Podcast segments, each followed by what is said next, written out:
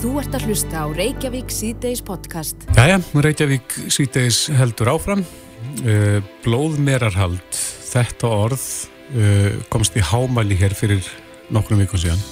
Já, svo sannlega þegar að uh, var það ekki svistnesku eða austurísku dýravendurna samtökin mm -hmm. gaf út heimildamind sem að, já, málaði upp mjög dökka mynd af blóðmerahaldi hér á landi. Já, og þetta fekk þjóðin upp á afturlappinnar, má, má segja. Mhm. Mm því að þarna var líst grimdar meðferð á uh, merum sem að var verið að draga blóður. Akkurat. En í þessar umfyllina þá kom líka fram mm -hmm. að uh, Inga Sæland, þingmaður flokksfólksins, að já, hún lagði fram frumvarp á síðasta, bara núna held ég, í vor mm -hmm. þar sem að hún leggur til að blóðmerhald verið banna hérlandi. Einmitt. Og eftir að þessi umræð kemur upp að þá ákvaðan að gera það aftur og uh, flutti sitt mál í gær á þingi, sælinga. Já, komið heil og sæl. Var munur á þingsal þegar þú fluttir málið í gær, svona samaborið við þegar þú fluttir það síðast? Já, svo sannarlega. Þetta var alveg gjör ólíkt umhverfi, það er nokkuð ljóst. Fólk er þar að láta sig þetta varða þingmenn sem aðris og ég held að það kemur mörgum verulega óvart hversu andstyggileg þessi yfja er og er í rauninni að átta sig á því fyrst núna. Mm. En er það, það, það allstaðar þegar nú hafa líka komið framrattir það sem að, sem að segja að þetta sé ekki allstaðar svona eins og líst er þarna í þessari mynd? Ég ætla nú bara að vona að það sé algjörlega horrið að þetta sé ekki allstaðar þannig að það sé verið að berja, lemja og pinda skefnunar en það breytir ekki þeirri staðir en þessa yðju er aldrei hægt að gera fallega, aldrei nokkuð tíman fyrir utan það að orðspor okkar og annað og hvaða óbóslegum hagsmunum við erum að fórna sem samfélag á alþjóða vettfangi, það er bara, það er ekki verjandi að halda þessu áfram, það er ekki verjandi. Mm -hmm. Í dag barast fréttir að því að Svandi Svástóttir sjávarútvegs og landbúnaðar á þeirra hefur ákveðið að skipa starfsóp til að fjalla um blóðtöku uh, úr fylfullum hrissum til framleysla á þessu hormóni sem að, að uh, unnið er. Finnst þér þetta skrefið rétt átt að það verði settur starfsópur eða áhreinlega að, að taka skrifið og banna þetta? Já, ég, ég er ekki hrifin af starfsópum þegar, þetta likur bara á borðin. Það likur á borðinu nákvæmlega hvernig hlutinir eru. Það, það er ekki flóknar en það.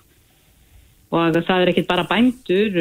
Ég er nú búin að fá ymsar upplýsingar núna sem ég ætla nú kannski ekki endilega tíund eða nafngreina einn eða neitt um það en, en það þekkir hver, hver sitt nær umhverfi í sinni heimasveit og það er langt frá því að þetta séu einungis bændur sem að ístaka er að fá til þess að, að koma svona fram við, við hrissur og, og, og, og hérna, sjá blóttöku fyrir sig, langt frá því. Nú hverji aðra eru þeir að fá til þess?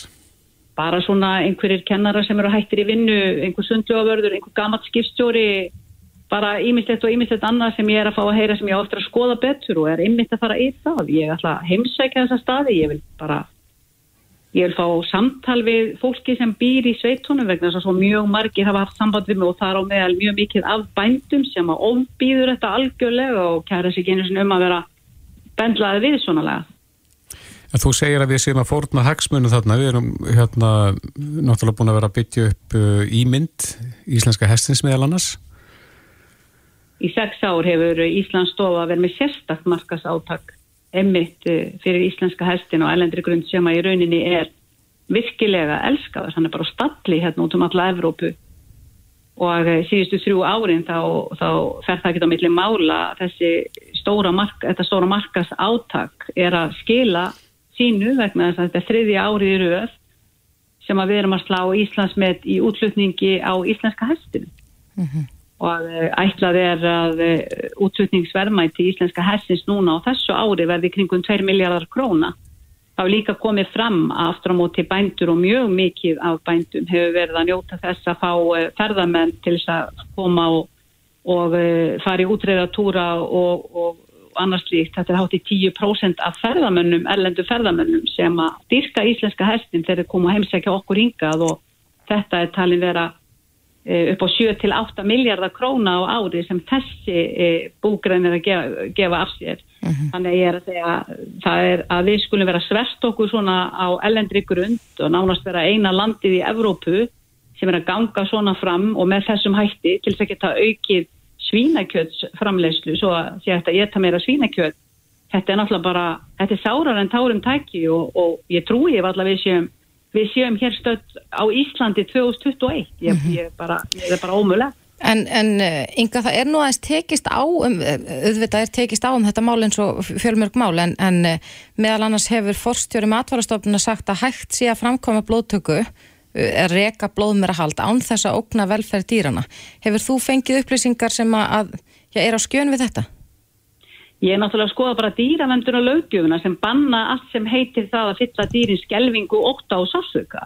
Ef að nokkur efast um það að taka rissu, vilta rissu, ótamda og binda hann upp og tjóður upp á henni hausinn til að hún í blóði og hún er með útstað augu á skelvingu, jafnvel þráttur að vera ekki sparkaði henn að byttin lamin og barinn og ég sé ekkert annað en brot á dýravendun og löggjöf og ég er bara ætla að vera algjörlega ósammála þessum uh, fórstjóramast, algjörlega frá A til Ö Mhm. og mér finnst með reynum ólíkindum að þetta skulle koma fram uh, frá, frá þeim bæjadirum enda voru það ekki mast sem voru að draga fram uh, þessa dýranýð heldur voru það ellendir aðila sem sóttu landið heim og eru búin að koma þessari mynd um raunverulega stöðu á einhverjum stöðum allavega Viltu Eh, meina, út að þessi, viltu meina að þessi dýravendarsamtök hafi í rauninni unnið starf matalastofnunar? Og rúmlega það já. Ég man ekki hvaða gekk lengi þetta brúnækja dæma á sínum tíma. Ég man ekki hversu oftu er búið að vera að benda á ímislegt og til dæmis inn í okkar frumvarfi er líka e, e, niðurfelling á, á þeirri grein sem að sem að orsaka það að þú getur ekki kært neitt sem þú veist um, neina en, ekkert, e, enga vannviðingu við dýr getur þú kært, kært beint til lauruglu mast er alltaf milliliðurinn. Ég hef bara ekkert sérstætt álit á því eftirliti, því miður Nei. En við höfum gert ítrekkað tilrunir til þess að ná tali af uh, framkvæmdastjóra Ísteka sem að uh, kaupir uh, þetta blóð. Hefur þú heyrt í fórsvarsmunni þess fyrirtækis? Hefur eitthvað kynnt þér starfseminna eða fengið þeirra hlið á málunu? Þeir sendu nú ágættislið núna bara í vor þegar þeir voru að senda umsagnir með frumvarpinu sem ég lagði fram þá sem að í rauninni kom glögglega fram að með hvað þeir voru æðislega góði við hrissurnar og hvað eftirliti væri gott og hvað væri dýralagnir að dæla og hverjir þessu blóð að þá væri við nú svo gjössanlega út á túnni að við værum eiginlega ekki svara verð. Það var nú þannig. Þannig að núna allt í einu fengum við bref frá þessu ágæta fyrirtæki gær, allir altingismenn, rétt fyrir klukkan, já, rétt fyrir hádegi og, eh, og þá allt í einu á að fara að gera alla þá hluti sem að mér skildist að væru nú til staðar þarna í, snemma í vor. En Ísteka hefur hins vegar verið að kaupa upp jarðir hér út um allt til þess emmitt að geta haldið uh, þessi viltu stóð uh, til þess að geta nýttu einu svona ári átta vikur í senn til að dæla orðin blóði og það er ekki ennþá komið í umræðuna þegar við erum að tala um að á þessum átta vikum er verið að dæla vakstarhormóni úr hissunni því vakstarhormóni sem fólaldið hennar þarf á að halda til þess að vaksa og dafna það er engin að tala um það náttúrulega við erum ekki að sjá nema bara toppin á ísjækjum af í rauninni því dýra nýri sem þarna fer fram Já. Hvernig er heldur þetta mál fari á... Ég er bara þar. Ha. Já, ég heyri það. En hvernig heldur þetta mál fari á þingi? Ég býst við að framsóknarmenn uh, séu með þessu. Ég veit það samt ekki alveg vegna þess að það er svo stór hluti bænda sem er á móti þessu. Þannig að uh, þeir kannski átt að segja, ég vonaði að sjá í ljósi. Uh, það er mjög mikið af þingmönnum sem eiga ekkit einasta aukast ekki orð yfir þessu og ég trúi því að þeir eru eftir að taka málið í fangið og nú spurningi snýst alltaf um það hverjir og hversu mikið fólk duglegt er að senda inn umsagnir til atvinnuvega nefndar núna þegar málið er komið til nefndarinnar og getur þá komið fyrir nefndir og fengið að fylgja sínum umsóknum eftir. Það skiptir miklu máli hvað þrýstingur er inn á þinginu uh, til þess að við fáum að taka málið aftur út í aðra umræðu og hugsalega inn í atkvæðagreyslu en, en já, mín von og trú er svo að við sjáum, við sjáum það að, að okkar hagsmunir felast í því hvort sem það er efnahagslegir eða bara sem bara eð, eðlilegt samfélag í, í ásjónu síðmentaðra uh, al almennhaga samfélaga að við sjáum það að þetta gengur ekki þetta bara gengur ekki það þýðir ekki út af einhverjum eiginlegum sérstökum persónulegum fjárhagslegum hagsmunum að ætla að fórna öllu þessu fyrir það Mm -hmm. Já, Inga, við fylgjumst áfram og það verður áhugavert að sjá framvindu málsins eh, á þinginu. En Inga Sæland, formaður Flokksfólksins Takk kærlega fyrir þetta. Takk fyrir ykkur og að láta ykkur máli verða. Ég þykir væntum það og okkur öllum. Takk fyrir það, bless. Takk. Þú ert að hlusta á Reykjavík C-Days podcast. Orkumálinn eru svo sannlega komin á kortið. Mm. -hmm. Nú hef, hafa menn þurft að brenna jarðefna elsneti meðalans til þess að vinna fiskimjöl Já, og uh, samkvæmt tilkynningu frá landsneti Já, þá uh, á þetta ekki einungis við um, um fiskimjölsverksmiðunar heldur einnig gagnaver og fleira, álver og já. Með öðrum orðum, við, við eigum raforkuna en við náum ekki að flytja hana hratt og öruglega milli staða. Þannig að hún fyrir spillis og það er nú verið talað um það að einhverju miljardar fara til spillis á hverju ári en við hefðum í Vilhelmi Árnasinni formanni umhverfis og samgangunemdar þingsins þegar þessi mál dúkkuð upp hér á dögunum og hann var mjög ómerkur í, í máli. Þetta er bara algjör fallengun sko og, og við verðum bara að horfast í augu við þennan veruleika og ef við ætlum að standa við það sem að stendur nú ítalega þessum stjórnasáttmála og bara stend og ég hef talið að veri markmið þjóðarinn allra að nýta þá grænu orku sem við verið til þess að draga úr nótkunni jarðarnælsendis hér á landi að, að þá og tryggja ráurkur ekki bara almennt og til þess að líka efla okkar velferðarsamfélagum uppbyggingu atvinnlífs að þá bara verðum við að taka okkur saman í andlitinu og, og, og laga þessar hluti ekki setnum strax í vetur sko. Já, sagði Vilhelmur Árnason við okkur fyrir vikunni. Þetta er fallengun, segir hann, fyrir þingið og, og hérna pólitíkina. Akkurat. Á línunni hjá okkur að þessu sinni er Guðlaugur Þór Þórðarsson umhverfis orku og loftslagsráð þarra kom til sæl Guðlaugur. Já, komið sæl. Já, Vilhjálmur var ómerkur í máli og saði þetta fallengun. Uh, er hægt að breyðast rætt og öruglega við þessu? Sko við erum að skoða hvað hægt er að gera og þá eru að hugsa um verkinu sem framöndan eru. En það er alveg ljóst að það er ekkit, það er enga töfralustnir í þessu og uh, ég hef nú sagt að þetta er svona byrtingamind miklu, miklu stærra máls. Uh, það liggur alveg fyrir að við erum með mjög metnað fyrir markmið íslendingar þegar það kemur úr óttast málum. Ég held að þessi breið samstafa um það, ég finn ekki annað. Og uh, ég lít bara svo á að, að uh, þetta er svona enn einn ástæð fyrir okkur að, að þurfa að vinna hlutina vel og, og, og vand okkur en, en það hins vegar liggur alveg fyrir að við getum ekki setjum hendur í skuti. Nei, en þannig er sérstaklega verið að tala um fluttningin, það er að segja fluttningsgeta kervisins. Er, hefur þú eitthvað síðan að þetta kom upp og síðan að frétti bárast á því að, að það, þarf að, að hérna, brenna jarðefna elsneiti til þess að búa til raforku? Hefur þú fundað með einhverjum eða, eða sett eitthvað í gang svona til þess að bregðast við ástandinu? Já, já, ég kem með minnisbæðinni ríkistjórn á morgun og uh, ég hef uh, ásamt ímsu öðru uh, sett þetta í forgang þessa vinnu en og ég er ekki að gera lítið úr þessum alvarlega hlut sem er alveg þvert á okkar bæði orku stefnu og svo sannlega varandi okkar markmið lostasmálum og mun hafa áhrif á það.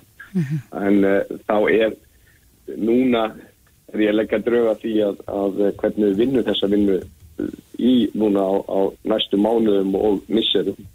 Og eitt af því sem að ég held að sé grundvallatri er að draga fram staðrindir og upplýsingar. Þannig að svo umræða sem að mun fara fram og verður að fram, fram, fara fram og á að fara fram að hún sé svo byggðeins mikið á, á staðrindum eins og mögulegt er. Þannig að við séum með eins góða þáttöku almennings og, og efnaðarslýsins og allra þeirra aðeins sem að þurfa málun að koma því, að, því að þetta er mjög stórt mál en við skulum líka en við skulum ekki vera að nángast þetta þannig að þetta sé eitthvað kvíðmannlegt við þekkjum það Íslandingar að fara í orkuskipti og uh, fórum miklu fyrirheldun aðeir í orkuskipti. Og þá er ég að vísa til eitthvað sem okkur veist vera algjörlega sjálfsagt sem er sett okkur í algjörlega sérstöðu. Og þá er ég að, að vísa til þess þegar við hittavitu vætum hér þjóðfélagið og, og rannvættum það. Ég man það sjálfur sem strákur í borganessi þegar að oljutankurum var tekin og, og kindiklefin og hvað þetta hétt allt saman og við fengum hittavittuna.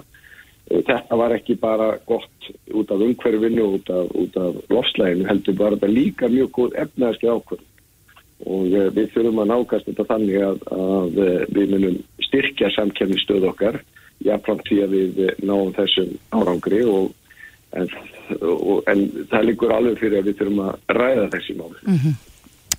Þegar við rættum við hann Vilhelm hér í fyrra dag að, að þá, já, saði hann að sko náttúruvendin væri raun að, að flækjast fyrir að við erum að, að, öðrum einn með náttúruvendina og, og svo erum við með umhverfisvend og svo erum við með orkumálin og þetta er allt í, í einum graut hvernig er hægt að láta þetta allt tala saman og, og til þess að við þurfum ekki að vera að brenna jarðarna elsniti á meðan við höfum allas orku? Það sem að ég lít þannig á þetta þetta sé allt saman jákvæmt það að það sé aukin vitun með náttúru venn það er bara gott. Það eru líka verðmæti í hálendin okkar í ósnortu náttúrunni sem að bara skilja okkur beitt efnaðslega og í auki eða líka þannig að það eru lífsgæði fyrir okkur mm -hmm. og ég þekki það bara sjálfur búin að vera á hálendinu síðan ég var í að kodnabann eh, þannig að eh, við þurfum að auðvitað líta til þeirra sjóna með að líka en á sama hátt að þá erum við að setja okkur það markmið að við ætlum að vera fremst í heimi eins og við hefum verið e, lengst af en núna eru allar fjóðir á flegi ferð í þessu. Þannig að ég held að við erum nú nákvæmst þetta þannig að við viljum vand okkur, við viljum að það sé eitthvað jafnbægi á milli þessara sjónamiða og e, þannig farnast okkur best. Og ef við tökum þessu umræður út frá staðrendum og allar upplýsingar upp á borðinu og það er alveg sérstaklega markmið að koma þessu þannig að það, sé, það er upplýsingar sem aðgengilegar að uh, þá er ég samfara um það að við getum á góðri neðustuðu okkur öllum til heila og ekki bara það út af því að við viljum sjá loftgæðin hér, hér sem mest og við séum fremst hvað þetta varða heldur félast í líka efnaðslega tækifæri því það sem við höfum verið að gera á undanfjöndum áratugum árhundrum er þekking sem er verið eftir svo uh, vorum, ég ætla ekki að segja alveg ein með hana, það var ekki þannig, þetta var gert víðar. En við höfum ekki uh, það, er, það er aðra þjóður eru á flegiferð í þessu líka sem við höfum gert mjög lengi. Já, en Guðlegu, talandum uh, efnahegin og orkustíftinn, það hefur líka komið fram eins og það segir í þessar umræðu að við erum að tapa miljörðum vegna þess að það er ekki að koma orkun í, í góðar þarfir, hún bara tapast, geimist illa og það vegna þess að flutningstjærfin er ekki nógu öflug. Það er eitt þátturinn, það er bara líkur á fyrir, það er eitt af því sem við þurfum að, að líta sérstaklega til og við þurfum auðvitað að gera það hratt. Uh, en uh, það, það skiptir eins og miklu máli að, að þegar við nálgust þetta að uh, menn nálgist að þannig að menn beri virðingu fyrir, fyrir ólíkum sjónamiðurum og, og sjónarhóttnum og ég held að það sé að vera afskaplega skynsalegt að setja þessi mál saman í, í eitt ráðuniti en eitt á, að því vegna sem við komumst ekki tjá því að, að, að skoða báða þætti þegar við erum alltaf að ná þessu markmiðum. En eitt ráðuniti gerir mjög lítið eitt og sér. Eh, það, þetta á ekki bara við alla ríkistjórna og, og ringi þetta á við alla fjóðina, þessi málaflokkur. Guðlaugur Þór Þórðarsson um hverfis orku og loftslags ráþæra. Takkar kærlega fyrir spjallið. Takk sem leiðis. Þetta er Reykjavík C-Days podcast. Þetta er nýja jólalagi frá Latta. Mm -hmm. Dingaling heiti það. En... Uh, Eh, það hefur verið sagt á því fréttum að lauruglan hefur opnað e, svo kallar mitt svæði hjá lauruglun þar sem fólk getur séð hvar mál þeir eru stödd í, í gerfinu mm -hmm. og ég prófaði svona bara í, fyrir forvittni sækir að skrá með þannig og ég komst fljótt að því að það er ekkert málskráð á mína kennetölu þannig sem betur verð. Nú gott að heyra. En hérna eru svolítið forvittnilega tölulegar upplýsingar meðal fjöldi afgreitra mála á dag hjá lauruglun eru 153 mm -hmm. en e, mál sem að meðalföldi mála sem að berast til lauruglu á dag eru 366 þannig að þið sjáu það að, að þeir ná hvergin er að anna öllum þessum fjölda að málum Nei. sem berast til þeirra. Meðal aldur opina mála eru 6 mánuðir og fjöldi opina mála í heilsinni hjá lauruglu eru 11.345 þannig að þetta er góður stabbi sem að þarf að vinna á þannig Já og það var kynnt í dag að Lörglum höfuborgarsvæðinu opnaði þetta vefsvæði en, en þarna geta þólendur kynferðsbrota eh, líka nálgast upplýsingar um stöðumála og úrræði sem standa til bóða mm -hmm. en það eru hátt í 400 kynferðsbrotamál eh, á borði Lörglu núna. Já. En þessu tengt að þá uh, ætlum við að fara eins nýra á uh, alþingi Einmitt. en þar uh, var lögð fram þingsálektuna tillaga í dag um aðgerðir gegn kynferðsbrotum og aukin stöðningur við þólendur þeirra og fyrsti flutningsmaður tillögunar er, er Gísli Rafn Ólafsson, þingmaður Pírata sem er á línunni. Komdu sæl Gísli. Komið sæl. Já, ef við byrjum kannski á, á því sem við vorum að tala um að nú var lauruglan að eh, já, kynna þetta í dag og á að vera bót fyrir, fyrir þólendur uh, kynferðsbrota. Er þetta eitthvað skilt því sem þú ert að leggja fram? Já, það er svo sannlega eh, gott að þólendur kynferðsbrota geti fylst með hvernig málið sittur að ganga. Um, en það kannski svona hins vegar hefur ekki að hrjóða það hversu hratt málið e, fer í gegnum rannsókn og meðferð innan lögurlunar mm. og ekki nema það bara maður veit aðeins meira í, í, í hérna flestum tilfellum hinga til hefur verið mjög erfitt um þetta að fylgjast með hvernig, hvernig hlutin eru að ganga og þetta minna sjálfsögur verða, verða góð búbót við það en það er samt sem áður að, að styrta meðferða tíman sem er alltaf langur. Mm -hmm. En e, í ykkar þingsálutunar tillögu eru ansi mörg sem leggja hana fram.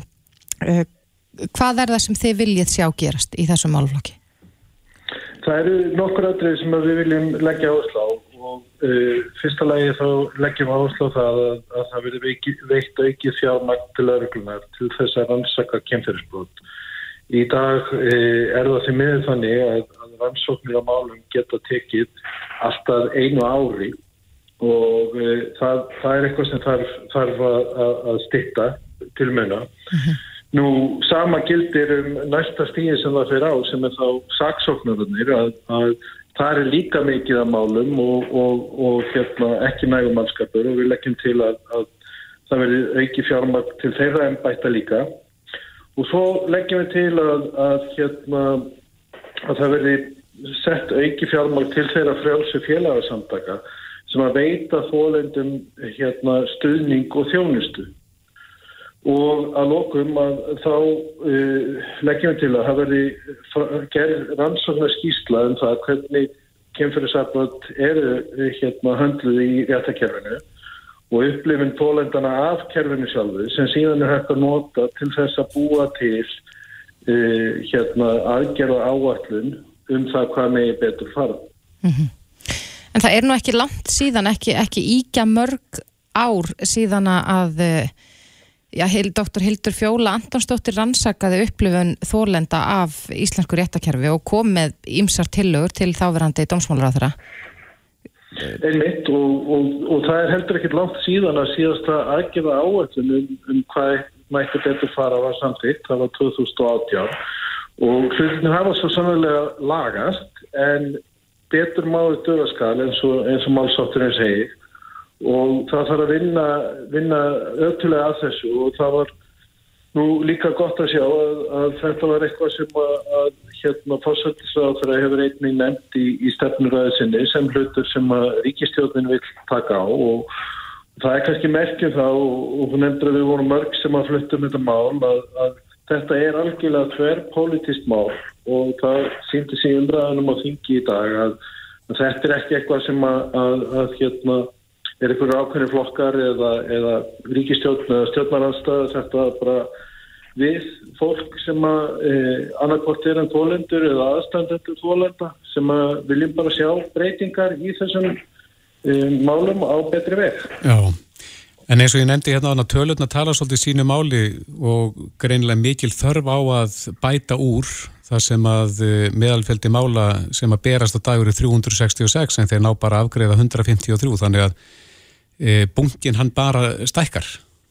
Bunkin bara stækkar og, og það sorglega er að, að hérna, það er alls ekkert all e, mál tilkynnt til öruglunar þannig að fjöldi hérna kemferisbrota e, er miklu miklu meiri heldur en, heldur en það sem að tölunar hjá hérna e, hjá öruglunni ber að e, gefa til kynna. Mm -hmm og það sem er líka dáltið sko aðdeklusöft er að sjá að, að þessi tíðni e, kynferðisafbrota er miklu herri hér á landi heldur en í, í nákvæmlandum okkar eins og Nóri, Danmark og, og Finnlandi.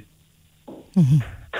En þeir leggir líka áherslu eins og þú sagðir á sko ja, tíman og ein, ekki einungis sko tíman sem að lögreglan tekur í að rannsaka heldur einnig á uh, saksóknastígi en þú hefur talað mjög opinskapt um reynslu ykkar fjölskyldu þinnar af slíku máli þar sem að brotamæðurinn braut á fjölmörgum öðrum á meðan uh, mál dóttur þinnar var til rannsóknar Nákvæmlega og það er dæmið um mál sem að, það tók rúmt ár fyrir málið að fara í gegnum rannsóknarstíði hjólaurinni. Það tók sig síðan hérna, ennu lengri, ekki ennu lengri, langan tíma að fara í gegnum, komast fyrir dóm og e, þegar hann var síðan dæmdur í, í, í hérastómi að þá var því áfríðat hæstaréttar. Hæstaréttur vísar því tilbaka til hérastóms að því að rannsóklauruglu var ekki fullnægjandi Hérastómar býður eftir því að fá frekari skýslur frá, frá lauruglinni áður en það er aftur farið hangað, aftur dæmdur í hérastómi, aftur áfríða til hættaréttar og fimm árum eftir að aðtökki gerðist að þá var hann dæmdur. En eins og þú sagðir, að á þeim tíma telur lauruglan og, og, og saksóknari að, hann viðkomandi aðli hafi nöðgat uh, alltaf nýju öðrum ungum sterkum, flestum undirlögaldri og uh, það var því miður bara eitt af þeim málum sem að endaði síðan á að fara í gegnum domskerfið uh, eh, nokkur máli síðar. Já, þannig að það þarf svo sannlega að taka til í, í þessu málaflokki. Það þarf svo sannlega að gera það og ég er bara þakkláttur fyrir það að við stöndum öll saman í að gera það. Mm og, og ég hef talað við lögur og saksóknar og aðra og viljin er fyrir hendi en það vantar, vantar þennan stuðning til þess að, að tryggja það að það sé nægt fjármagn og, og nægur stuðningur til þess að gera betur. Já, þið leggir til eða, eða kallið eftir því að ráð þeirra kynni tilbúna á tímasetta aðgerra átlun eigi síðan við lok vorþings 2022 Ertu bjart síðan á það gísli að, þetta, að þessi þingsáleiktunum til að fara í gegn og að, að það verði af þessum óskum ykkar?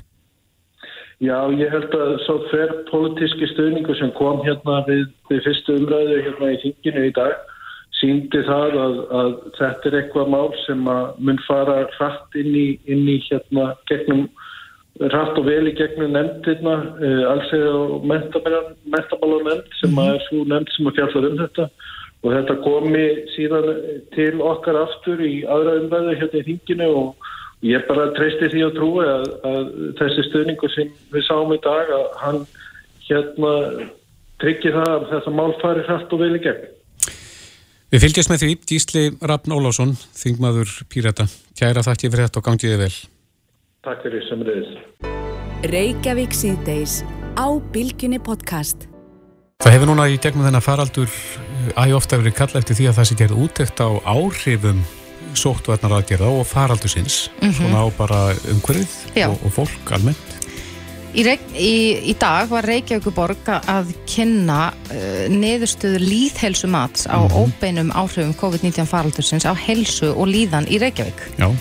það er nú gaman að sjá þetta á landsvísu en nú erum mm -hmm. við mhm. komin allavega með upp á krafsinu uh, hér í höfuborginni. Ætli það gildi ekki við annar staðar líka? Jú, það er eflust hægt að, hægt að heimfæra það yfir á aðra staði, en, mm -hmm. en þarna er farið um ansi víðan völl og, og svona skoðað í bæði jákvæð áhrif og neikvæð áhrif á, á líðhelsu. Mm -hmm. Á línunni hjá okkur er Hugrún eh, Snoradóttir, líðhelsu fræðingur, kom til sæl. Já, sæl. Þið voruð að skoða óbein áhrif á uh, líf fólks út af COVID, ekki satt? Jú, við vorum svo samt að beita sem sem að það á hérna óbein áhrif faraldur sem, sem þýðir sem sagt að hérna það er verið að skoða allt annað en að veikjast af veirinu heldur ár hinn áhrifin bara þú veist þessi samfélagslega út af samkomið takmarkunum og öll þess að því fylgdi mm -hmm. og hérna, já, einmitt Og hver eru helstu niðurstöðunar? Herði, helstu niðurstöðunar eru bara það er að þetta hafði náttúrulega bara áhrif á bara ímsa hópa í hérna borginni. Við semst vorum að skoða uh, árið hérna gagd frá árið 2020 þannig að við erum svona að skoða og eftir ef það hafðist hérna eftir fyrstu og þriðibilgi faraldurs þannig að við erum svona lítið aftur á við mm -hmm. og, og hérna maður bara sá um þetta hafði á bæði börn, úlinga, framhaldsskólanema og fullorna þá hafði þetta áhrif á til dæmis hérna bara andlega líðan, mismikið og hérna sérstaklega framhaldsskólanema um leið tölvert verð heldur náður og svo breytist alls konar hegðun hérna, þú veist, fólk hreyfði þessi minna, börn og fullornir og það er náttúrulega hægt að reykja það alveg slutið til bara samkvæmum takmarkana og bara ymsa lokana. Mm. Þið tætti framhegur hún að, að þetta hefði bæði góð og slæmáhrif? Já, já, þetta alveg að einhver leitið með þannig að þú veist, það græmitisneisla minkaði en til dæmis þá sváðu hérna framhaldsskóla nefnar meira, framhaldsskóla nefnar meira og ölfunadrykki minkaði til dæmis hjá fullöfnum og hérna einni drykja hjá framhaldsskóla nefnum minkaði og orkudrykkineisla þeirra. Og börn og fólkdrar einni meiri tíma saman en hins vegar á sama tíma þá fólkdrar og börn hafa einni meiri tíma saman þá var áttur börn erfiðara með að fá umhyggju og hlýju frá fóröldur sínum á sama tíma? Þannig að þetta er líka akkurat, þetta er alveg svona Já, mjög áhugaverð samspil. Að... hvað, hvað eh, veldur því að börni er erfiðara með að fá umhyggju og hlýju frá fóröldur sínum á tímum heimsfaldurs? Sko það er bara, er ágætt spurning nefnilega því að það, þú veist, það, við fáum, greinum það ekki alveg í gögnunum en það, maður, þá er það, það bara að setja sig aftur í spórin bara þegar þetta var eins og þetta var hann á 2020 þegar margir voru í heimavinnu og börnir líka oft í hálgerðum heimaskóla eða eitthvað, uppfrót og svo leiðis mm -hmm. þannig að hérna uh, þannig að það er kannski verið meiri fúrústrering hérna inn á heimilinu, maður veit ekki, við sjáum ekki gögnum, maður ætla að gefa þessu það er kannski svona tilfinningin. Akkurat, maður mann og eftir það var mikið talað um að, að í heimavinnu ættu fóröldrar í raun og veru þá erfiðara með að, að fara, úr, stimpla þessu út. Já, akkurat og bara það geti mögulega, nú er það bara mögulega, geti það tengst að það er einmitt líka, við sjáum aukning á skjá hérna notkun ungra barna 5. og 7. bekk, sérstaklega samfélagsmeilum mm -hmm. og hérna það geti líka tengst þarna inn einhvern veginn, þannig að þetta er svona og, og það er ósa, þessi aldurshópu 5. til 7. bekkur hefur ekki aldur til þess að vera inn á samfélagsmeilum, þannig að það er svolítið svona, maður vil ekki að það verði nýja normið. Nei. Þannig að hérna, já. En hvernig unnuði þessa könnun? Voru það spurningalistur? Já, þetta er sem sagt við unnum þetta í samstarfi ennbætti landlegnir sem er akkurat líka búin að vera í sambarlega vinnu að skoða þetta landsvísu. Þau hafa gefið út eina skýslu uh -huh. uh, og já, við bara, við náttúrulega á Íslandi við erum svo ótrúlega heppin, við búum að svo mikið að góðum gögnum, þannig að við fengum gögn frá ennbætti landlegnis og líka gögn frá velferðsviði Reykjavíkuborgar uh, rannsóknum og greiningu, skólapólsinum og hægirlíðan eldriborgara þannig að það var margt alveg sem við gáttu skoðað og hérna og bara þá reykja ykkur sveðinu En það er vantilega heilmikið lærdómu sem maður draga af þessu. Uh, er þetta eitthvað sem við getum nýtt okkur í framtíðinni? Eitthvað Já, sem við, við gerum þá síður til dæmis þegar það kemur að sóttvarna takmarkunum að öðru slíku? Já, gæti náttúrulega gæti verið en það var náttúrulega eins og sérst í og við benda í hérna í skýslunni er að það er, maður sér mun þarna á til dæmis eins og grunnskóla hérna, nefnum og framhaldsskóla nefnum eins og það er grunnskóla nefnum þeir finna fyrir faldunum, það er hérna, það er neikvæð áhrif en þau eru tölvöld minni neikvæð áhrif en til dæmis á framhaldsskóla nefnum sem, sem að voru í fjarnámi mm -hmm. eða allar allt þetta ár og meðan grunnskóla nefnum það var þessi ákvörðu tekinum að halda þeim skólanum opnum og ég held að það hafi við teljum að það hafi bara gert rosa mikið að bara bett fengju að að bara halda svona nána stælu lífi að einhver leiti mm -hmm. Eitt af því hugrun, sem ég hjá eftir í, í skýrslinu var að, að það var fræðilegar vísbendingar um að jafnleiti kynjana hafi minkað á Íslandi á tímum faraldusins Já, akkurat, það er hérna er, hafa komin, kom, komið nokkra greinar út sem að kanna það og það verist vera að þriðja vaktin hafi hérna lengt meira á konum með sérstaklega þessu tíma þegar mikið um heimavinnu og og hérna fyrstum sinn þannig, og þetta rýmar alveg við niðurstöður erlendis frá mm -hmm. þar sem að jafnbretti hefur alveg farið tilbaka sko þannig að já, eins og þess að greina benda á þá verðist það að vera, já, vísmyndingar um slíkt. Akkurat. En, en þeir skoðu þetta, eh, sko, fyrsta bylgjan við munum náttúrulega öll eftir henni, var, þá var þetta allt mjög nýtt fyrir okkur en nú er samfélagið svona meira kannski að aðlagast þeim takmörkunum sem við búum þó við. Munið þið gera slíka könnun aftur og bera saman þær niðurstöður? Já, sko, sem þetta er hérna, sett upp um hérna, þetta hérna, skema sem við erum að þró okkur áfram eða pröfu okkur áfram með. Hérna, það er sett upp í svona fimm líkil þrepp og fymtaþrepið er svona endurlit og vöktun ef á því þarf. Og ég held að það sé alveg verður áfram þessi verður fyllt eftir á einhvern hátt aftur sko, þeim eitt og, og langtíma áhrif faraldursins eru óljós og hérna haldur eins og segir, er ekki, hann er ekki búinn. Já, það verður áhugavert að sjá hvort að til dæmis þessi jákvæðu áhrif, hvort að þau hreinlega haldist. Og, og aftur á móti hvort að fólk ná að koma sér aftur á stað í reyfingu og því sem að, að var svona neikvæðara.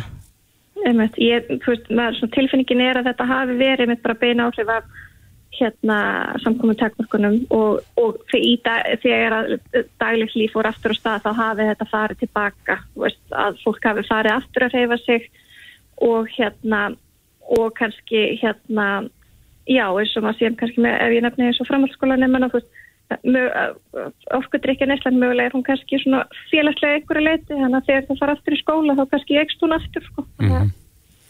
Er eitthvað að fylgja þessari rannsókn eftir? Um, það bara, já það verður, það mun bara komið í ljós, þetta verður allavega að skoða, þetta er eins og hérna um, Reykjavík er með svona líðhilsuvísa, það sem að nokkru þættir sem koma fram og eru kannar í þessu skýslu eru metnir á ári hverju, þannig að það verður alltaf, þessu verður fyllt með, eða fyllt eftir sko, Einmitt. að því liti allavega. Já, Haurún Snorradóttir, líðhelsufræðingur, kæra þakki fyrir spjallið. Já, takk fyrir mig. Reykjavík síðdeis á Bilginni podcast. Við ætlum aðeins að bregða okkur á þing og reyndar aðeins lengra þegar við ætlum að fara út á hérna Reykjanesið. Mm -hmm. Nú hafa sjöð þingmenn Suðurkjördamis lagt fram þingsáleituna til lög mm -hmm. um að fela heilbreyðsráð þar að gera samning við Krabbamennsfélag Íslands um rannsókn á nýgengi krabbamenna á Suðunensum samanborið við aðra landsluta. Já, maður hefur heilt þessu umræðu áður en uh, það er spurning hvað menn hafa fyrir sér í því að þarna sé meira um nýgengi krabbamenns heldur en annar staðar. Mm -hmm. Hinga til okkar er komin Birgir Þóransson, þingmaður sjálfstæðisflokksins og, og fyrsti flutningsmaður uh, til lögunar. Kom til sæl. Já, sæl. Já, uh, segja okkar aðeins frá þessu máli. Já, það er, það eru svona vísbendingar um það að uh, tíðnin ígengis krabbamins á Suðuninsson sé herri heldur en annar starf á landinu. Og uh, krabbaminsfélagið hefur uh, farið yfir tölfræði í þessum efnum og þá kemur í ljós að, að á tíu ára tímabili að þá er uh, til dæmis hvað var það nýgengi krafamins með að karla að þá eru á hverja 100.000 íbúa þá eru, eru tilvíkin að segja nýgengi 595 hjá körlum þegar það er á höfuborgarsvæðinu 539 og undir öllum vennilegum kringustæðum þá ætti höfuborgarsvæðið að vera með herri tíðinni heldur en söðunisinn og það er sama á við þegar það kemur á konum að þá er tíðnin einnig herri á Suðunusum mm -hmm. og þetta er að sjálfsögðu áhugjefni og uh, þess vegna leggjum við til að uh, það verði farið yfir þau gögg sem að liggja fyrir uh, og þá verður þá samiði við hérna, rannsóknar og skráningasettu Krabaminsfélags Íslands eins og hann nefndi réttilega og það eru til dæmis gögg sem snúa að mengun á svæðinu mm -hmm. og það er lagt til að það veri farið yfir þessi gögn og uh, það eru til dæmis alþjóðlega staðlar, það er að segja að það veri skoðað sko þess algengu áhættu þætti sem tengjast krabbamenni þegar það kemur að, að, að hættulegum efnum og það veri skoðað sagt, styrkur þessara efna e, í grunnvatni og jarfi og, og borið saman við alþjóðlega lista, það er að segja alþjóðastofnunar um krabbamenns rannsóknir Þessi gögg liggja fyrir og uh, þróunafjörla kjaplægufljóðular lit gera á sínum tíma. Það var síðan þegar að uh, varnalegi fóru á sínum tíma þá gerði bandarist fyrirtæki úttekt á umhverfismálum á svæðinu og uh, það var gerð stórum ekki skýsla um það hann eftir að nálgast hana hjá utarikisráðanundinu og uh, það er vita hvað þessi mengunastæðir eru og þeir eru tilgrindið þar og, og hvers konar mengu það eru um að ræða Er eitthvað að vita hvað efnið eru? Uh, það eru sagt, PCB og fleiri hættulega efni en, en í þessari skýslu sem bandarinska fyrirtæki gerði á sínum tíma þá, þá er þetta flokkað í sagt, hættu og bráðahættu mm -hmm. og það var engin bráðahætta til staðar en, uh, en sko, það er rétt að geta þess sérstaklega að, að sko, vassbólinn á suðunum sem er í mjög góðu lægi það var, það var tekið notkun nýtt vassból mm -hmm. fyrir 30 árum og uh, þannig að þau mál eru í, í góðu lægi og samkvæmt helbriðis eftirliti suðunisja þá, þá eru sendt á hverja ári síni til Svíþjóðar og farið mjög ítalega yfir það.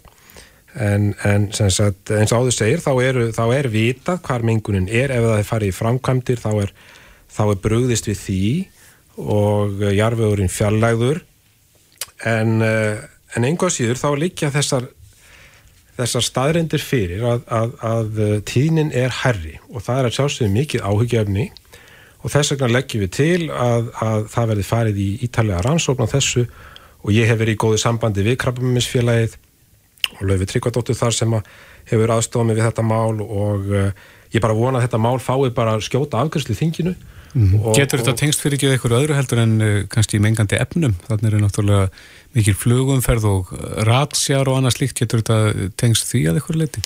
Já, það, það voru boraðar svona rannsóknarhólur á sínum tíma og eh, til dæmis er nálagð við flugbrautir og þá uh, var mengun í grunn, grunnvatni sem snýri sérstaklega að svo kallum hérna, afísingar vökfa. Mm -hmm Eh, það er ekkert að fullir um þessa þætti en það er líka hægt að benda á það að til dæmis að eh, sangvað líðheilsu vísum landlæknisembætisins að þá er tíni reykinga í Reykjanesbæ há með aðra staði Það getur verið hluti af skýringunni mm -hmm. og uh, til dæmis þegar það kemur á lúnakrappamennum og svo hefur til dæmis mæting í leit á leghálskrappamenni hún hefur verið slakari á suðinu sem er annar staðar. Mm -hmm. Þannig að þetta þarf alltaf að skoða heilstætt og við leggjum sér til að það verði gerðið sem sérstug skísla um þetta og skila til heilbyrðisar á þeirra ekki, ekki setni fyrsta júni á næsta ári. Nei, en þeir viljið sem sagt fá ákveðna yfir sín og, og, og þá greinlega líka sko hvers lags krabbamenn er algengar en annað og til þess að hægt sé að, að kortleggja hvers vegna nýgengi er herra. Já, nákvæmlega þannig og uh, Sko ef að það er margtækur munur sem að við sjáum náttúrulega í þessum tölum og ef að það verður niðurstan í þessari rannsókn Krabamessfélagsins að tíni Krabamess sé sem sagt herri mm -hmm. að þá náttúrulega mjög mikilvægt að fá það fram hvaða megin það er um að ræða og sem sagt hugsanlega orsaka þætti mm -hmm. og þá koma þessar skýslu sem hafi verið gerðar bæðið þessi bandaríska skýsla og skýsla sem þróunafélagi hefur hef ge látið gera og uh, sem sagt efni á borði PSCP voru send til Dammörkur á sínum tíma þegar það var verið að rannsaka ákveðna þætti sem að, að lágu fyrir þannig að það eru til gögn sem er mjög mikilvægt að rína í, í sambandi við þetta. Mm -hmm. Þetta er þver pólitísk til að sjö þingmenn suðu kjörtamins leggja hana fram. Býstu við því að veri tekist á um þetta eða þetta muni bara hreinlega fljúa í gegn? Ég held að hljóta vera að þetta gangi hratt í gegn og ég ætla að vona það og og uh, þetta mál hefur fengið forgang í þinginu og þetta er fyrsta máli sem að flutt er að hálfu flóksins þannig að ég voru svo sannarlega að, að þetta veri samtíð sem allra fyrst því að málið er, er brínt, ég held að sjá það allir Já, Birgir Þóransson uh, Þingmaður Sálstæðisflokksins Takk kærlega fyrir komin á gangið vel. Sumulegist takk. Hlustaðu hvena sem er á Reykjavík C-Days podcast. Við fylgdumst með Ísland í dag í gerðkvöldi Já. og eh, já, þar var sagt frá því að Hildur Björnstóttur, borgarfulltrúi sjálfstæðarflokksins í Reykjavík sækist eftir oddvitasætinu hér í Reykjavíkborg. Já, þetta eru stór pólitísk tíðindi úr borginni. Já, það verður líklast slagur um oddvitasætið núna á næstu mánum. Ég held að þetta sé nú bara hérna stutt eftir árum að prófkjöri farið fram. Já, Hildur Björnstóttur er mætt til okkar, velkomin. Takk fyrir. Var þetta erfið ákvörðum? Nei, nei, ekkert sérstaklega, bara skemmtilega ákvörðun. Mm. Það er bara spennandi verkefni framöndan og, og gaman að gefa kost á sér til að taka stafið þau. En af hverju tekur þessu ákvörðun? Finnst þér vanta öfluga fórustu sjálfstæðismann í borginni?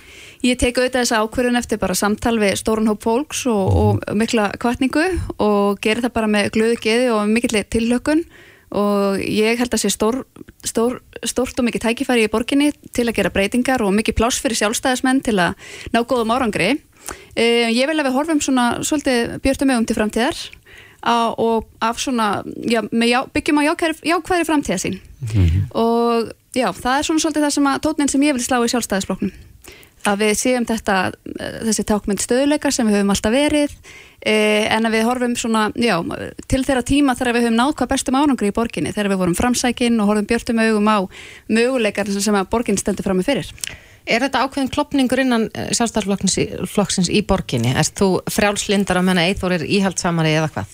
Ég myndi ekki kalla það klopning, það er nú bara alþekkt í stjórnmálum að, að fólk gefur kostasögur og texta á um, um sæti og það kalla ég nú ekki klopning en ég er mjög frjálslind, það er sannarlega rétt og, og, hérna, og hef slíkar skoðanir og mun tala fyrir þess áttar málum og, og á grundvelli þess býðið mig fram. Hver myndir segja mönurinn á þér og eithori væri? Hva, hvað, hvað hérna hvað, svona, hvað, hvað er bera milli? Mm, mér finnst vond svona að tala um félagum minn Eithor svona að húnum fjárstötum þannig að hann get ekki svara fyrir sig. Mm -hmm. en uh, við erum auðvitað bara bæði sjálfstæðismenn í grunninn og stöndum mestu á, á sama kjarnanum á grunninum, grunninum sem er þessi grunnstefna sjálfstæðisflokksins auðvitað. En ég hef svona vilja horfa svolítið við, til framtíðar og, og við kannski skilgrunum okkur á okkur um svona aftur og baka áfram ás. Og ég er mjög áfram og horfi svona, ég vil við séum framsækin í, í Reykjavíkuborg og við e, séum metnaði fullum það að vera í samkeppni lifandi og kraftmikli samkeppni við til dæmis Erlendarborgir sem við eigum núna, við erum að keppa við ungt fólk. Bara við borgir eins og Kaupmannahöfn eða London eða hvaða nú er því heimurinn er svo opinn í dag fyrir ungt fólk. Og núna e, fyrir er lífaldurhækandi, fólk er að verða eldra og fullornara og við erum að horfa fram á þann veruleika að eftir einhverja ára tíu þá erum við hreinlega í vandraðum, við erum ekki með nógu margar vinnandi hendur. Og þannig að það er rosa kræfjandi verkefni framöndan að auðvitað leifa fólki að vinna lengur eða vill við þurfum að eignast fleiri börn, við þurfum að laða að hæfileika fólki okkar ringa til Íslands og erlend hæfileika fólk og þetta eru svakalega verkefni og borgin þarf að vera spennandi til að þetta takist. Við þurfum að bjóða upp á lifandi, spennandi borgarumhverfi, fjölbreytta kosti um búsetu og samgöngur, við þurfum að bjóða framskarandi skóla, leikskólavist fyrir börn, lifandi menningu. Mm -hmm. Þetta er umfangsmikið verkefni en það er rosalega mikilvægt og, og ég til þessu verkefni farnast best í höndum okkar sjálfstæðismanna en þá þurfum að byggja á svolítið jákvæðri og framsækinni framtíðasín. Mm -hmm. Þú talar um það í Íslandi dag í gæri og einni í Kastljósi að það væri já, ákveðin klopningur í borginni svona menningu, þú orðaði þetta Já, ég kalla þetta menningarstríð. Og þá er ég að vísa í uh, svona þessa þetta stríð sem ég finnst meir hlutin í borginni hafa myndað. Og það er það sem við erum að etja, þau er að etja fólki upp á móti hver öðru eftir því hvernig það velur að ferðast eða hvar, í hvaða borgarhluta það velur að búa eða hvernig lífstíl það velur að lifa og mér hefur fundist umræða um borgamál oft verið í svolítið miklum skotgröfum og miklum öfgum í sikvara áttina. Mm. á meðan að það sem flest fólk vill er bara eitthvað stær þarna á milli. Að flest fólk vill þetta bara fá frelsið til þess að eiga sína valkosti og velja hvernig það velur að einmitt verðast búa eða lifa. Og ég hef svona lístið þannig að ég vil auðvitað bara skapa frjálst borgarumhverfi þar sem að fólk gefur mitt frelsi og sveirum til að leita hamingunar á sínum eigin fórsöndum og skapa sitt eigin líf og vera handritsöfundar á sínu eigin lífi. Við séum ekki að steipa alla í eitt form og mér finnst stundum þessi meira hluti bóða eina ríkisleið fyrir alla til að lifa. Allir eigi að ferðast með einum hætti og, og, og lifa með einum hætti. En það eru ekki í þannig samfélagi sem að verða til verðmæti og velsæld og, og fólk verður hamingisamt. Mm -hmm. Eitt mál sem að poppaði upp á þingi núna fyrir stöttu það, þar komið inn á nagladekkin e, hvaða skoðan hefur þú á því? Á að veita sveitafélagum heimil til þess að leggja auka gjald á þá sem aðgum á nagladekkin? Ég aðhyllist ekki bóða bönn að minnstakosti og ég hefði ekki e, verið hlind ekkur í tillögu sem að snýra því að banna nagladekk. E, en við sjáum það hins vegar nú að, að nagladekk virðast spæna malbyggi og, og þá er þess að sprettur upp þessu umræða. og hægri menn tala oft um að þeir eru að borga sem nota þannig ef þú velur að vera á nagladekkjum og þá eru hugsanlega að borga fyrir notkurinn og því. Þetta er bara umræða sem við þurfum að taka og ég held að sé það eru þetta sumir sem þurfa að vera á nagladekkjum sem að búa við þannig aðstæður eða ferðast mikið út á land og þá þarf kannski að skoða ykkur undan þáur en það er sjálfsagt að þingið veitir þessa heimild og svo er það bara sveitafélagan að taka ákvörðunum hvað þau vilja gera. Er þú lindið að leggja svona aukaðgjald á nagladekk? Ég er alveg til að skoða það með einhverjum undan þá, þá fyrir þá sem að á, áþurfa að halda en það þurft að vera mjög hóflegt gjald mm -hmm. eh, en þetta er auðvitað bara hluti af ég nú, nú sína rannsóknir til að mynda að það er svolítið breyttur veruleiki, það var þannig áður fyrr og, og ég er alveg upp við það að maður á bara nagladekkjum það er miklu örugara en núna sína rannsóknir að það er komin bara svo gríðilega góð vetradekka markaðin sem eru ekkert síður örug Þannig að þetta er bara hluti af því að halda hér góðum loftskeiðum í borginni. Ég vil ekki banna neitt. En það er ekki að hreinsa gott? Jú, og það er mitt nefnilega gott að komsta því að því að ef að það er lögð svona gældskilda á, að þá þetta mér sjálfsagt og eðlilegt að gældið sem að rennur til myndi þá fara mitt í að þrýfa hér göttutar betur. Þannig að þetta myndi haldast í hendur. Þannig að þeir sem að velja og eru þá frjálsir að nota nagladekk að þeir þá greiði í rauninni í þann sjóð sem fer síðan í að reynsa reiki sem spænist upp. Þannig að þá fær fólk auðvitað bara að velja sinn dekkjabúnað og við getum líka að lifa við betri loftgeði. Mm -hmm.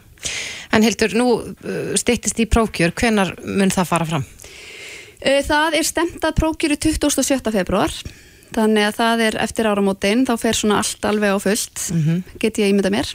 Þannig að það er stutt í þetta en, en líka langt. Já, við höfum oft talað við þig hér um skólamál eða, og leikskólamál og byggðlista og fleira. Hvað verður efst á bladi hjá þér í, í þessari kostningabartu? Ég svona legg mikla áslá samgöngumálinn og við sjáum það, það er bara vaksandi samgöngumandi í borginni og það þarf að leysa hann og ég vil leysa hann með fjölbreyttum lausnum, ekki einhver einni ríkisleið fyrir alla og þar mætti nefna sundabraut í enga framkvæmt sem að margir hefa beðið eftir um lengri tíma og hefur alltaf eitthvað nefn verið svikinn. Ég vil hágeða almennisangungur, fleiri hjólastíga, betri ljósastýringar. Ég vil reynlega bara leysa þetta með fjölþættum lausnum sem tryggja fólki frelsi og val um það hvernig það velur að ferðast og svo er það leikskólamálin og ég brenna alveg svakalega fyrir þau og þau hafa bara staðið mjög illa í borginni og í rauninni reynlega ekki tekist að leysa þannig beðlistavanda sem hefur eitthvað nefn verið verið hér í borginni um ára bil og alltaf er lofað kostningar eftir kostningar að, að leysa vandan og, og brúa þetta bil millir leikskóla og fæðingarálofs, nefn fæðingarálofs og leikskóla. Mm -hmm. og það hefur ekki tekist. Og ég held að bara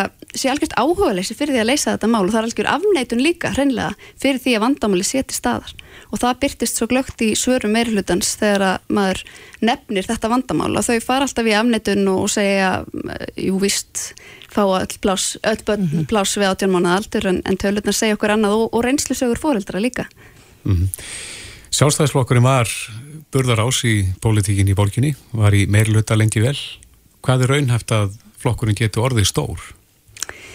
Sko nú er svo breytt pólitist landslæð, þetta er mjög áhugaverð spurning. Það voru aðrir tímar uppi þegar að sjálfstæðisflokkurinn var oft, oft rýmlega 40% flokkur og, og langt umfram það jafnvel. Mm -hmm. e, þá voru færri flokkar og fjórflokkurinn var rosalega sterkur. Núna horfum við á svolítið breytt pólitist landslæð og ekki bara á Íslandi heldur líka viða í Evrópu og í löndum sem við berum okkur saman við að, að það er meiri uppgangur sem við kallum smáflokka. Þannig að þeir eru að ná inn og við sjáum það í borgarstjórnur í dag átta flokkar Þannig að þetta er svolítið áhugavert landslag. En við náðum góðum árangri í síðustu kostningum, svona miða við það sem við náum allavega í þingkostningum í Reykjavík, við vorum með 30, næstu í 30,1 31% afsakið fylgi. Mm -hmm. og við vorum stærsti flokkurinn en við náðum ekki að mynda meiri hluta. Og það eru þetta ekki góð staða að vera í og, og það er svolítið kannski stafara því að það er flokkar útlökuð samstarf við okkur. Og það er hluti af kannski mínu frambóði líka að ég vil breyta þessu. Við þurfum auðvitað að vera samstarfsæfur flokkur sem fólk getur hort til og hugsaður því hér er fólk sem við getum hugsað okkur að vinna með. Er hann ekki samstarfsæfur í dag? Ég við komast að kosti ekki meira hluta. Það gæti enginn hugsað sér að vinna með okkur og það er eitthvað sem við þurfum bara að ávarpa og laga. Getur þú unni með öllum flokkum? Ég myndi ganga algjörlega óbundin til kostninga og vera óbun í alla enda um að mynda meira hluta með það auðvitað fyrst og fremsta áherslumáli að sjálfstæðismenn kemist í meira hluta, við tækjum borgarstjórastólinn og við kemum okkar helstu áherslumálum í gegn. Hildur Björnsdóttir, eh, borgarfulltrúi sjálfstæðsflokksins. Takk kærlega fyrir komuna. Takk. Reykjavík síðdeis á bylginni. Í gær þá sögðum við frá því að það er búið að opna fyrir tilnefningar í maður ásins sem að mhm. valin er af hlustandum Reykjavík síðdeis og uh, lesendur Vísis. Já og auðvitað hvetjum við alla til þess að fara á vísi.is og, og uh, tilnefna. Tilnefna, Einmitt. akkurat. Og nú komna nokkuð þúsund tilnefningar þegar við tekkum við síðast, mm -hmm. þetta stefnir í með En við opnum líka fyrir síman í gær og uh, það var eitt sem að ringdi inn og hann vildi tilnefna hlinn nokkur Rick eins og hann var kallaður. Já og auðvitað fóru við á stúfana Já. og fundum hlinn nokkur Rick. Já, sem að heitir með réttu nafni Hlinnur Rapsson á Kvamstanga, kom til sæl. Já, sælverði. Já, hann vildi tilnefna þig vegna þess að hann, eins og hann lísti þessu að þá varst þú búin að fá nóg af uh, þjónustuleysi bæjarins við snjómókstur og keftir það ekki tönn framann á fjórhjólið þitt og fókst sjálfur að riðja eh, gangstíða? Jú, það passar. Fekk með tönn og, og svona sandreifara. Og, og þú hefur bara verið í þess að riðja og, og dreifa sandi? Já, þetta er svona í, í hobby tímanum. Já. Skríti hobby. Hann nefndi það að þú hefur meðal annars eitt sumafríðinuðin í þetta? Já, maður er svona að reyna að eða því núna, sumafríðin. Já, það, það er svona átt inni. Já. Já, þannig að þú ert að taka út sömarfrí í starfið þínu og nýtir það til þess að já, hjálpa öllum bæjabúum? Já, bæði og það er bæði, bæði frí og, þá hoppi í þessu. Já. En segðu okkur eins, hvernig byrjaði þetta? Þetta er bara, þetta er búið að vera lengi, að það er bara rautir veginir innan bara Mm og það getur farið í gangstjötana. Það er svolítið slæmt svona, sérstaklega á mótnana þegar það er dimmt Já. og fólk að lappa á veginum sem bílarnir er að keira á. Hefur ekkert gengið að vekja aðtikli já, stjórnvaldana í bæ, bæjarfélaginu á þessu að, að eh, þau breyti, ta- taki þetta af þínum herðum? Það er komið svona umræða hópur hérna á Facebook. Mhm. Þá er búið að nefna þetta og þau eru eitthvað búin að taka fundum þetta sko. Já. En þú ert með segir fjórhjól. Já, Hvar kaupir maður tönn á fjórhjól til þess að riðja? Það er til á nokkur stöðum sko. Já, já. Það er alltaf fjölg, fjölga stöðunum. Og hvenar ertu farin út bara að snemma mótnana eftir að það snjóar? Nei, nei, þetta er nú aðalega bara svona þegar maður nennir sko. Þetta er ekkert, þetta er fast sko. Nei. Og hvað ertu að fara langt? Hvað tekur í mikinn hlut af bænum? Það er svona mjög bara. Að Fyrst valdi maður bara hjá vinu sínum og svona. Já. Svo er þetta bara svo gaman. Þá, fer maður lengra. Áttu erut með að hætta? Já, áttuðum. Banga til að fyrir eitthvað brotna, þá er þetta leðilegt. Já, en hlinur eins og, eins og við rættum hérna upp af að þá stendur núna yfir uh, sem sagt að núna þetta skilum tilnefningum fyrir mann ársins. Hvernig líður þér að einhver hafi syngt inn og, og tilnefnt þig? Þetta er nú bara heiður. Já. Já, þetta skilur ykkur. Já. Kundags heitja mikil. Já. Já. En þetta er, ég, ég er svolítið forvitin um það. Þú ferð út og, og þú riður og svo ertu með sanddreifara líka, sagður það ekki? Jú, Ferðu svo aðra ferð með sandin? já, eða hefa undan sko, eða lítið snjór. Já, já. Það er bara svo mikið hálka hérna, svo mikið klaki núna þannig fyrir norðan. En hefur þú fengið eh, eitthvað orð frá bæjarstjórninni? Það er að segja, hafa þeir sett í sambandið og þakka því fyrir eða... Nei, hann ekki beint það sko. Það var, þeir ætlaði að senda manni í nefndina að skoða hvernig útværi þetta. Já, hvernig þú útvarir þetta? Já, eða bara hvernig þetta er á að vera gert. Já. Þeir, þeir svona horfa til þín með, með það? Já, það ekki, ég veit það ekki. Það er, er ágætt að fara í þetta allavega. Já. Já, en við minnum á, á það að inn á vísi.is er hægt að tilnefna uh, mann ársins Já. og þú allavega fegst eina tilnefningu í síma og þá hvetjum við þetta alla til þess að sem vilja hvetja þig til dáðið þessu að fara inn á vísi.is og Já, íbúa kvamstanga, þeir vantarlega hópast að bakvið, en hlinur ykk bara vel að verki staðið ég, ég er alveg sem það að margir á kvamstanga vilja þakka þið kjallaði fyrir, fyrir þetta framtak Já, eða ekki. þakka þið fyrir spjallið, Eh, Takk fyrir þetta. bless bless Bless. Þetta er Reykjavík C-Days podcast.